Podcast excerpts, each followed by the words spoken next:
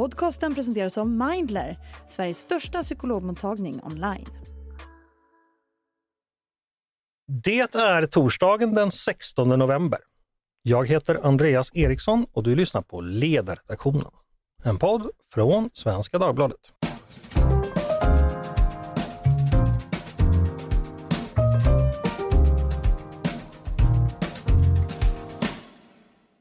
Varmt välkomna tillbaka till oss.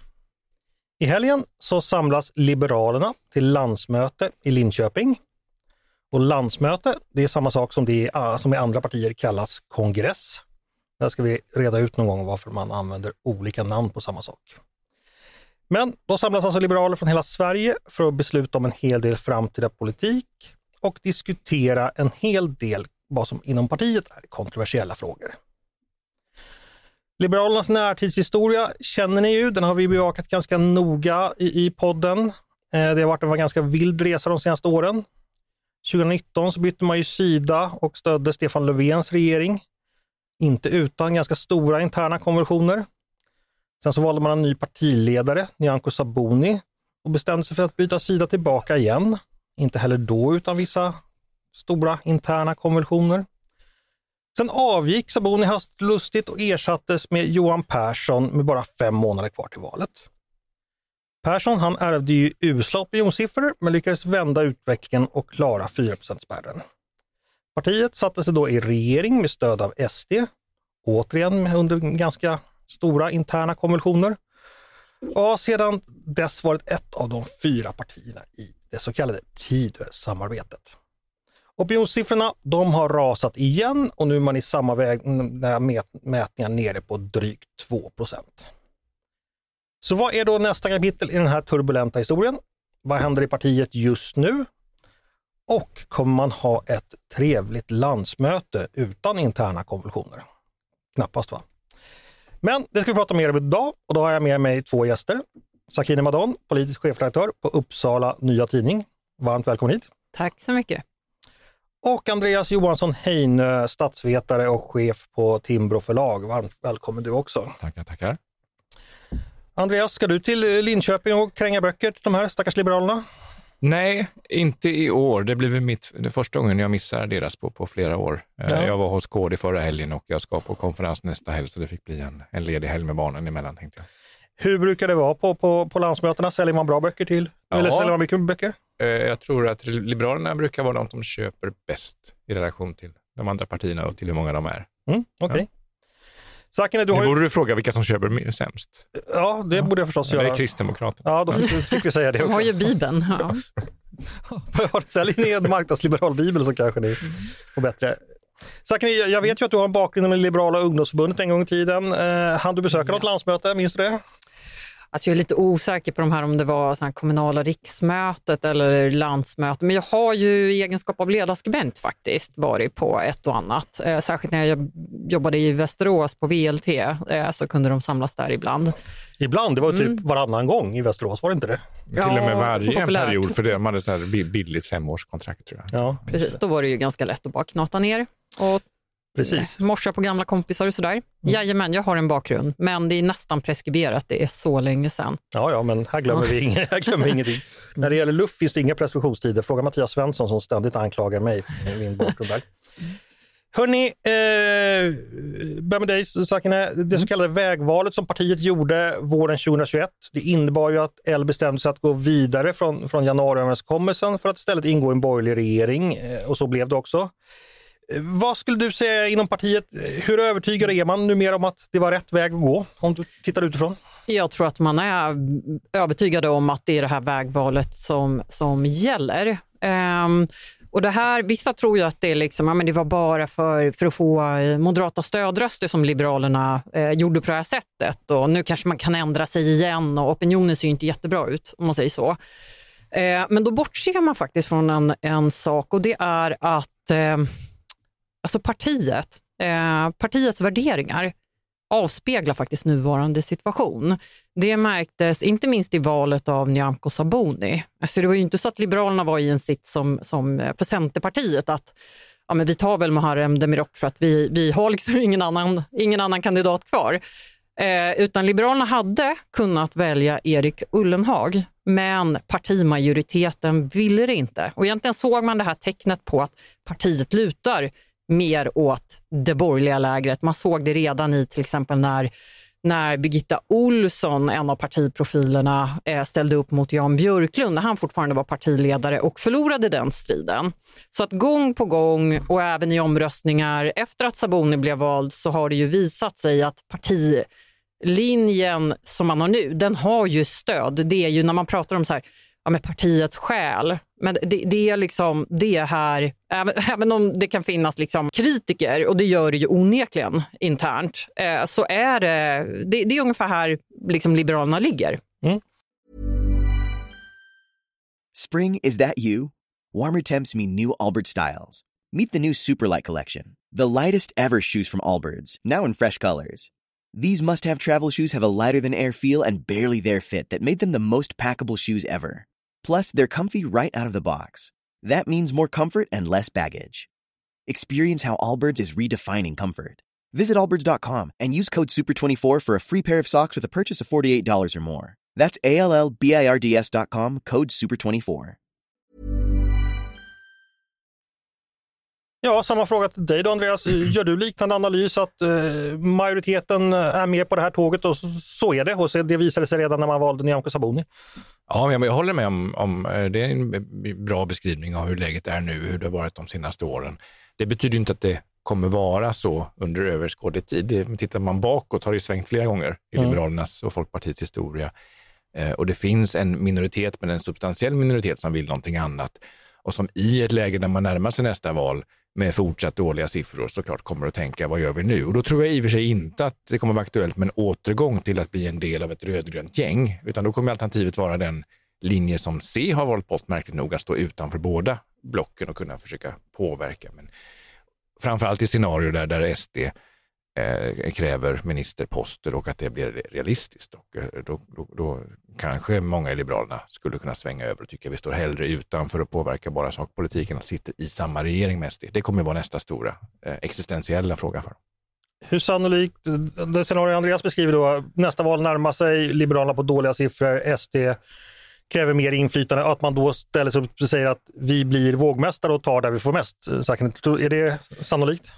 Eh, bra fråga. Man har ju gjort sig så otroligt beroende av de här moderata stödrösterna. Eh, det är lätt att glömma nu, men partiet var ju mer eller mindre uträknat när Johan Persson kastades in eh, efter att då Nyamko Sabuni meddelade sin, sin avgång före valet. Det var inte många som trodde att man skulle klara eh, riksdagsspärren. Och partiet vet ju att man är väldigt beroende av, av de här stödrösterna för att klara sig kvar i riksdagen. Eh, men sen är ju frågan, det, det kommer ju till en punkt, där håller jag ju med Andreas eh, om att alltså, det kommer ju till en punkt där eh, Sverigedemokraterna är trots allt ideologiska meningsmotståndare. Och är det så att eh, liksom de övriga Tidöpartierna och Sverigedemokraterna mer eller mindre liksom står för hela det här regeringsalternativet och Liberalerna bara krymper och riskerar att åka ur och sådär. Då tror jag man måste gå tillbaka till liksom, varför finns vi? Moderaterna existerar redan. Eh, varför ska man vara ett litet liksom, mini-Moderaterna eller helt smälta in i någon slags Tidö-tapet. Um, alltså, det, det funkar ju inte heller. Man måste tillbaka lite till liksom, vilka är vi? Varför finns vi? Um, och, och, där, um, så där har ju lite då, om jag ska säga, liksom kritisera högerfalangen i partiet, uh, de borde också se, se den risken. Jag menar, moderata väljare har redan Moderaterna. Man måste vara någonting annat än enbart det här liksom lite städade ja, mini-M liksom, i Mo den här Moderaterna som är lite mer emot SD än, än, än andra partier. Ja, Eller precis. påstår sig vara det. Ja, och då, då förlorar man lite poängen med sig själv. Och det räcker ju heller inte att bara prata om så, ja, men vi tycker klimatet är viktigt, vi tycker skolan, vi, integration var vi tidiga med. Man kan liksom inte leva på gamla meriter heller, så det, inte heller det kommer räcka. Men en fråga till dig Andreas. Eh, nu, nu beskriver ju saken SD som, som Ls ideologiska motpol och det, det, beskrivs ju ofta så. Samtidigt Moderaterna menar ju då att Tidösarbetet, att det är vår tids frihetssamarbete har man försökt sälja in det som, liksom för att man, nu går man på brottsligheten och mm. ordning och reda i invandringen och att det finns liksom klassiska borgerliga och ja, liberala inslag i det här. Mm. Är det, vilken bild är sann här? Är det så att Liberalerna och SD som huvudmotståndare ändå kan enas i något gemensamt projekt där en kommer från nationalistiskt håll och ett kommer från liberalt? Hur, hur sannolikt är det? Är det realistiskt? Ja, men Tidö är väl ett exempel på att det faktiskt går, åtminstone under en begränsad tid och inom ett antal sakområden. För det går ju med trovärdighet att argumentera för att ett antal frihetsinskränkningar är nödvändiga för att stärka den sammanlagda friheten i samhället. Med, med mer repressiv kriminalpolitik så ökar friheten för enskilda människor. Och, du köper det som liberalt argument? Så. Ja, alltså det, logiken tycker jag är glasklar. Det är, inte, det är inte en absolut motsättning här mellan att eh, stärka statens makt på vissa områden och att automatiskt minska friheten i samhället, utan där får man ju vara lite mer eh, nyanserad. Däremot, så här, vilket samhälle strävar liberaler och sverigedemokrater efter på längre sikt? Där blir skillnaderna mycket större. Där, där eh, är ju inte den individuella friheten eh, lika central eller alls central för Sverigedemokraterna. Där har ju de en kollektivistisk syn som men när kickar, den, när, när kickar den eh, meningsskiljaktigheten in i, i samarbetet skulle du säga? Ja, eh, i till exempel idén om återvandring eh, jag tror jag att Liberalerna kommer få oerhört svårt att svälja eh, om Sverigedemokraterna får med sig Moderaterna med att man ska liksom, på olika sätt uppmuntra eller halvt mer eller mindre tvinga människor att, att lämna landet på olika... Hela idén om sen, tät svenskhet och så. Eh, och i, ja. förlåt. Eh, och i många liksom, kulturkrigsfrågor, ta bara det här med drag queens eh, som läser böcker, sagor för, för barn på biblioteken. Det är ju typiskt en där fråga där, där eh, den liberala jämställdhetsministern då, Paulina Brandberg direkt gick ut och, och fräste till eh, när Sverigedemokraterna började driva det. Eh, sen kan det finnas i ehm, nu, nu är jag ganska positiv till det faktiskt med utbildningsminister eh, Mats Persson som ändå har lyft den här frågan om, om cancelkultur inom högre utbildning. Och där har ju jag länge faktiskt efterfrågat en slags liksom, liberal väg som inte sätter sig i knät på liksom, vänsteridentitetspolitiker men för den sakens skull inte heller ser, bortse från hotet från höger identitetspolitiker som också eh, blir som en slags liksom, motreaktion mot, mot det vi, vi har sett i många västerländska länder. Eh, så jag tycker det är bra att han lyfter den typen av frågor. Eh, men, men det är just i de här kulturkrigsfrågorna, värderingsfrågorna, hbtq, jämställdhet. Där eh, tror jag det bränner till, i alla fall hos Liberalerna. Och, mm. och man känner en, liksom, ett behov av att markera. Vi ska snart tillbaka till kulturkriget, för det är alltid intressant. Men, men först en fråga. Det är uppenbart att oppositionen har identifierat Liberalerna som den, den svaga länken i, i Tidösamarbetet. Så det är där man alltid riktar, så fort något förslag kommer så kommer, dyker det upp på Twitter, vad tycker Liberalerna om det här? Va, va, va, va? Liksom, ni, ni vet. Alltså, hur tror ni det?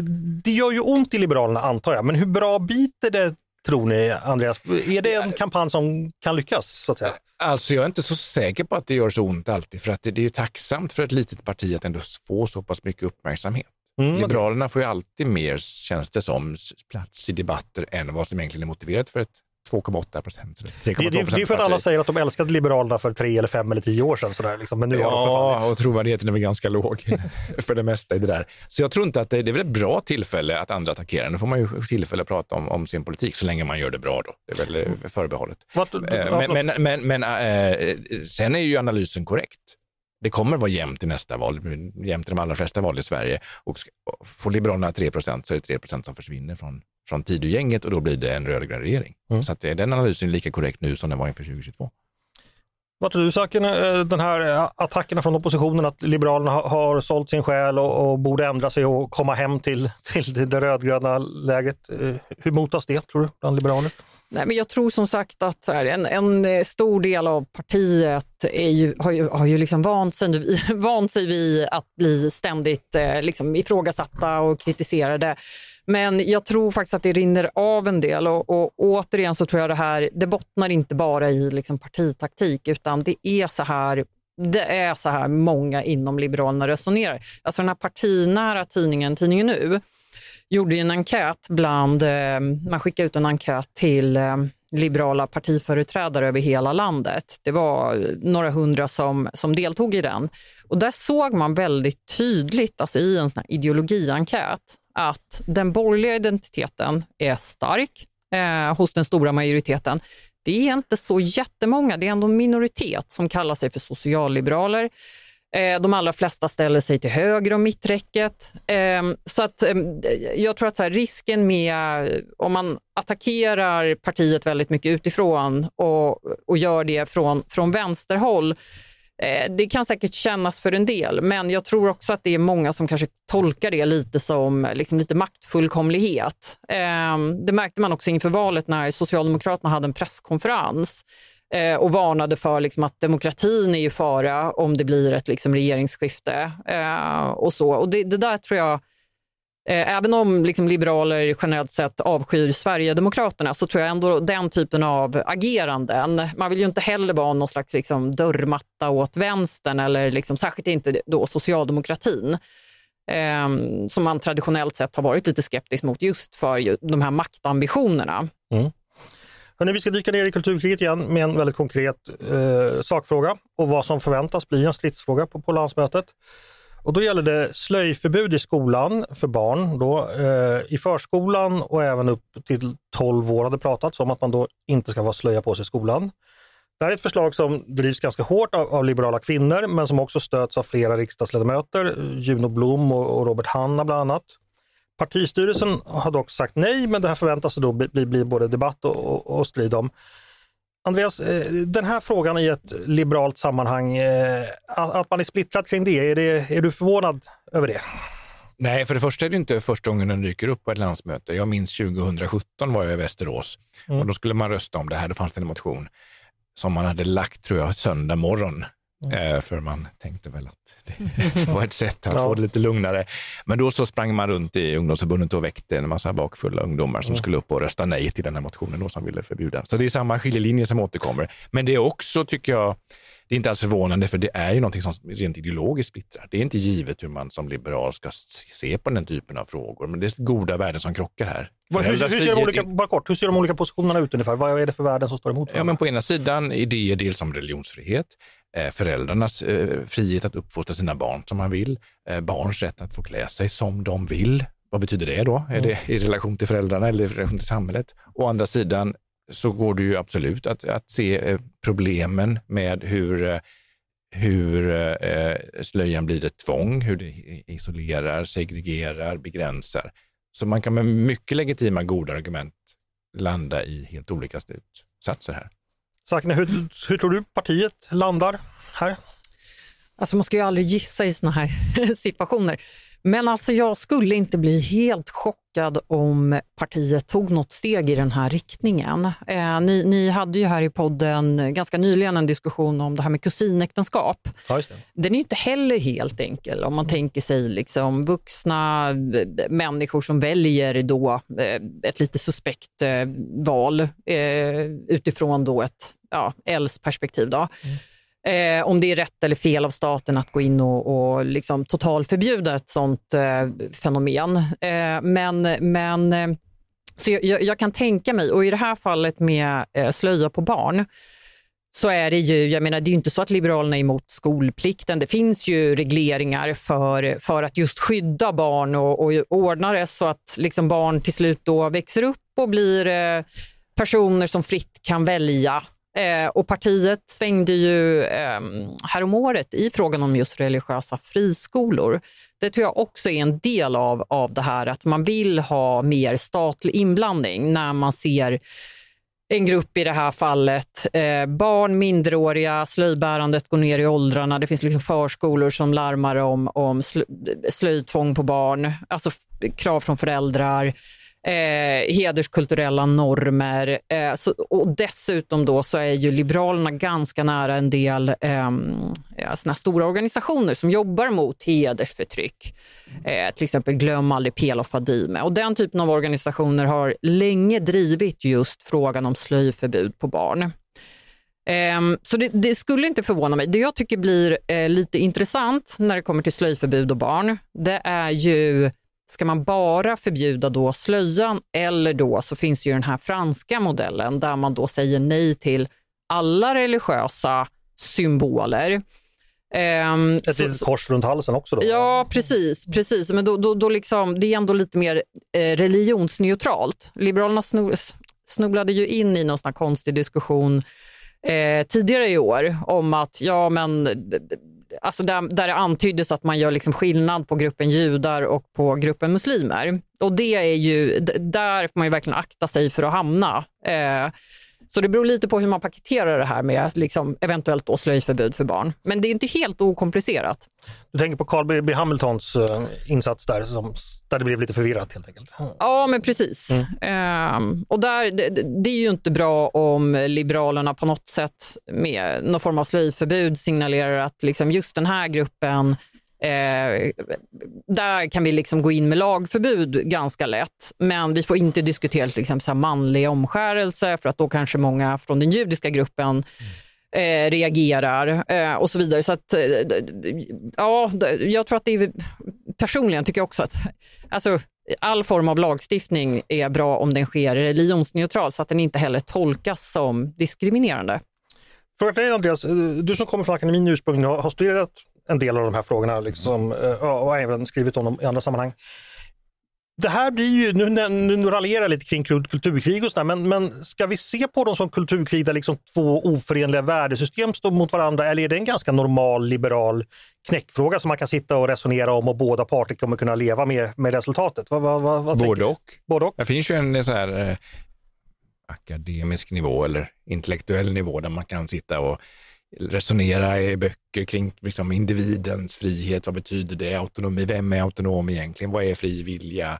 Eh, och, och, mm. och, sen finns det ju en verklighet där barn lever i normsystem som verkligen kolliderar med varandra vad gäller hur mycket får man välja själv. Det kan ju behöver inte till och med stanna vid vem man får bli ihop med när man är 15. Det kan vara vem får man leka med när man är 5. Vi har ju liksom, en, liksom en, hela, hela spektrat här av eh, mer eller mindre begränsningar. Eh, men sen tycker jag det är en viktig poäng som, som Sacken gör när du jämför med Frankrike, för där ut, uppstår hela debatten som härledd ur en princip om sekularism som ju har nästan haft en religiös status i fransk offentlighet, att religionen får inte komma in på offentliga arenor och skolan är en offentlig arena, då måste den begränsas.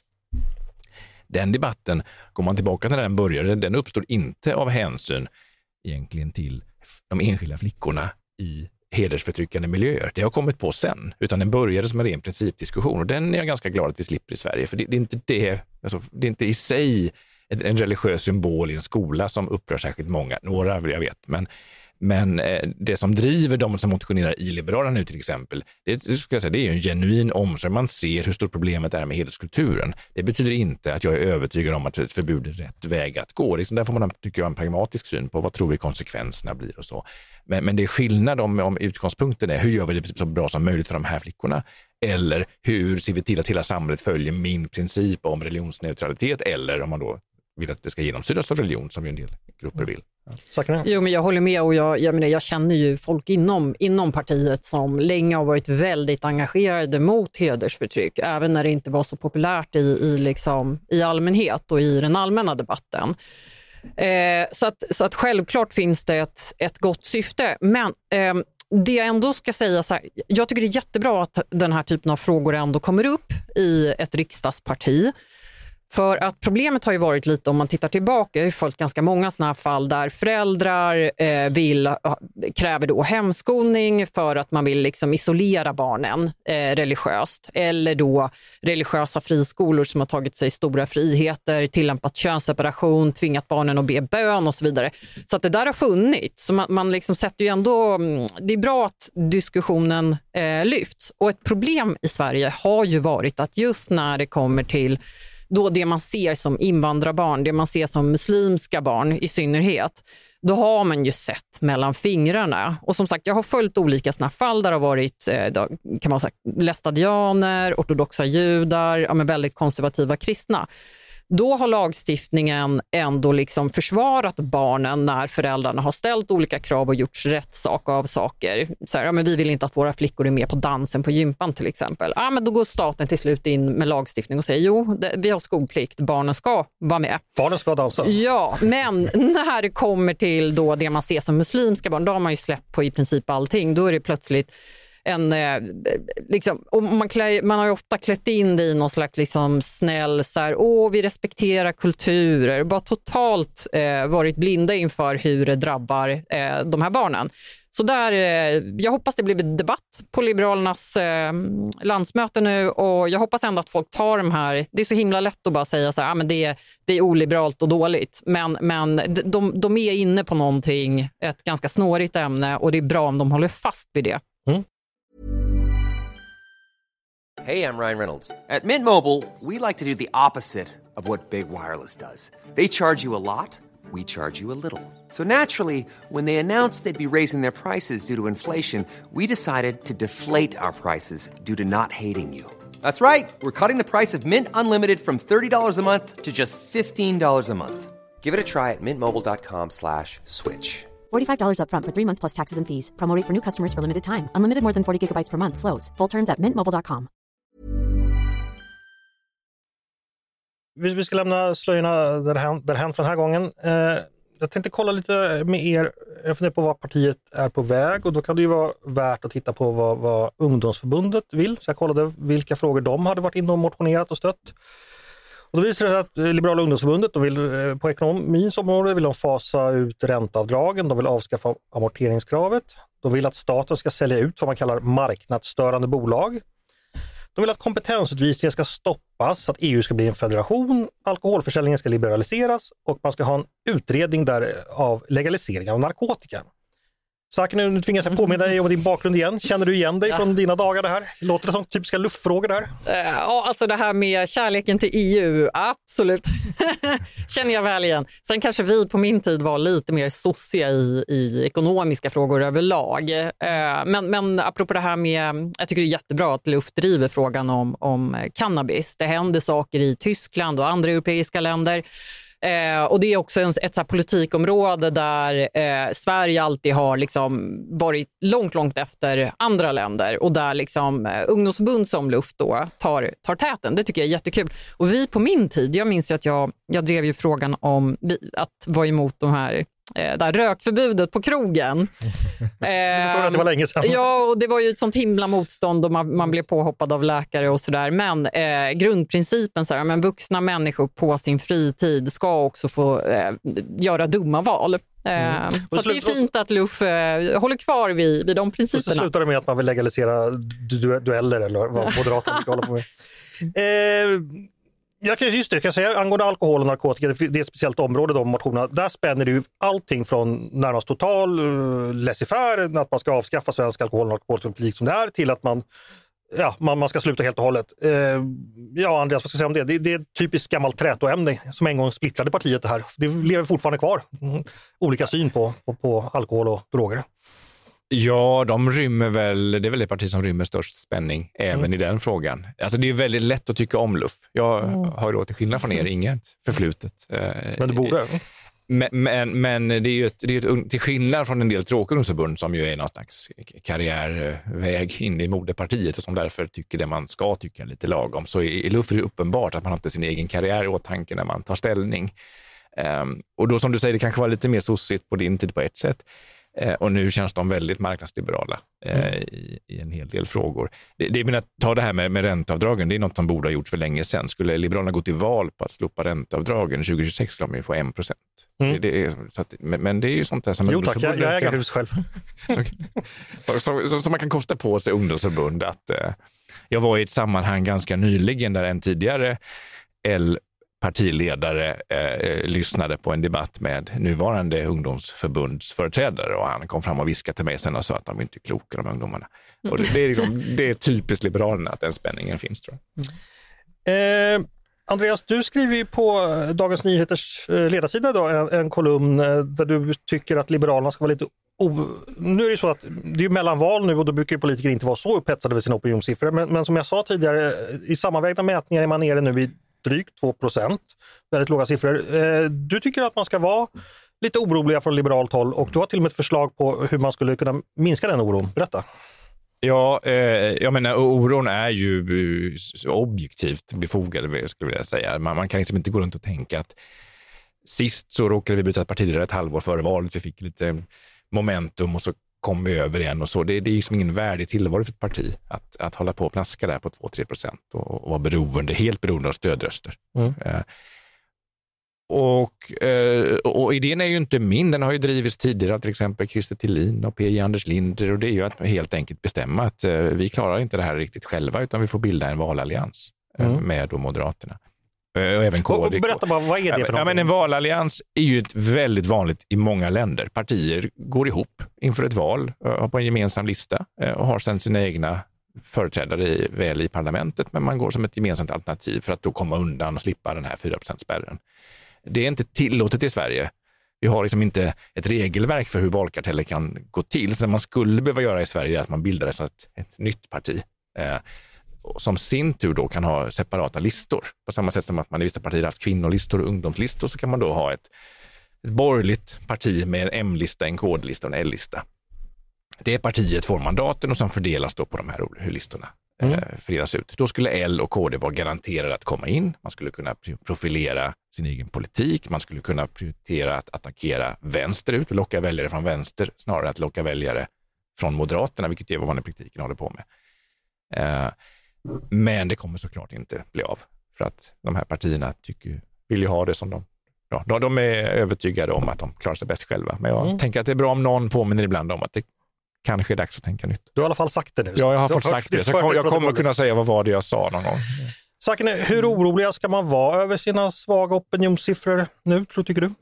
Jag tror man borde vara eh, jätte... Alltså man borde vara oroliga. Eh, man, eh, man har liksom... Alltså, Liberalernas kommunalråd i, i Uppsala eh, sa ganska nyligen här om månaden att eh, hon anklagade då partiet för att ha blivit liksom dörrmatta åt de andra tydliga partierna. Eh, och, och, jag tror ju inte, jag menar hon vill ju att Liberalerna ska lämna regeringen. Det kommer ju inte hända eh, mot bakgrund av det vi liksom tidigare pratat om.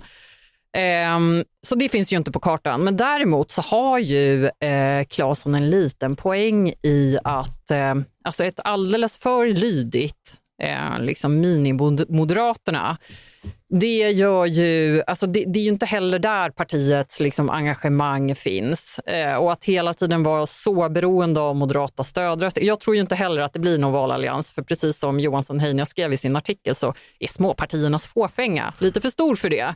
Så det, det kommer inte heller hända. Men däremot så, eh, jag skulle väl hoppas lite mer på, på liksom, lite mer stökiga och bråkiga måste man nog vara om man inte bara ska eh, liksom smälta in och försvinna. Eh, och även om, och en, en ytterligare anledning, anledning, till att jag inte tror på den här val, eh, valkartellen, eh, det är ju att så här, Kristdemokraterna idag skulle säkert ha en ganska moderatnära eh, identitet.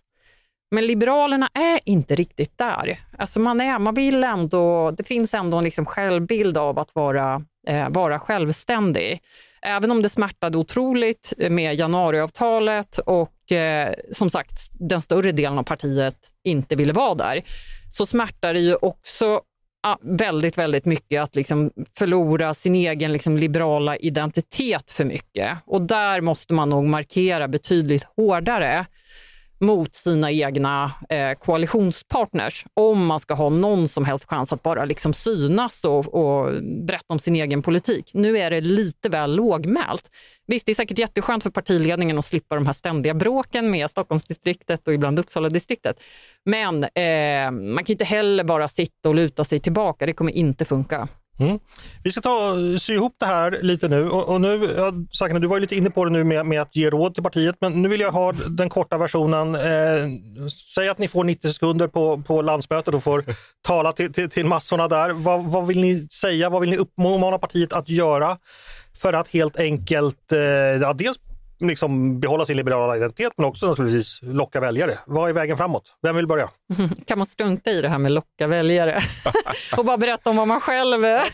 Du kan vara liberal med 0,5 procent, men, men Ja. ja. det är svårt att få igenom så mycket av politiken. Då, så. att- Ja.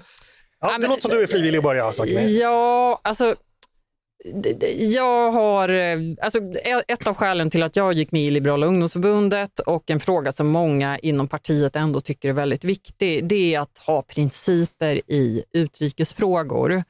Och då inte bara när det kommer till att vi är för EU, vi älskar EU, utan i ett liksom bredare perspektiv. Och där jag menar för bara några år sedan så skrev liberala partiföreträdare i, om Nato. Då. Nato har ju partiet länge varit för. Eh, men man skrev inlägg eh, som att här, Sverige måste gå in i Nato, men eh, Turkiet måste ut. Jag vet, det är inte jätterealistiskt, eh, men jag tycker att det är lite märkligt att partiet är så lågmält i hela den här NATO-processen när Sverige har lagt sig så platt inför Erdogan.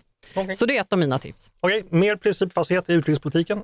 Andreas, hur lyder ditt recept? Ja, men det där håller jag med om till att börja med. Mm. Eh, och det, det var, tyckte jag var, det var en tilltalande eh, drag hos Jan Björklund, att han alltid inledde sina tal med att blicka ut i världen och liksom innan han sen kom in på inrikespolitiken. Det, det saknar jag hos eh, både hans efterträdare och andra partier. Eh, för det första, det finns ingen konflikt här för att det, det, Liberalerna utmärker sig positivt i ett avseende i väljaranalyser och det är att det, det är det parti vars väljare är mest ideologiskt enade. Eh, de allra flesta kallar sig liberaler och röstar på Liberalerna för att det är ett liberalt parti och de själva är det. Det låter självklart, men man, man har högre siffror där än något annat parti. Eh, och man gillar det ideologiska. Eh, och att det då sen innebär att man som liberal, som vi varit inne på, är kluven i en del frågor.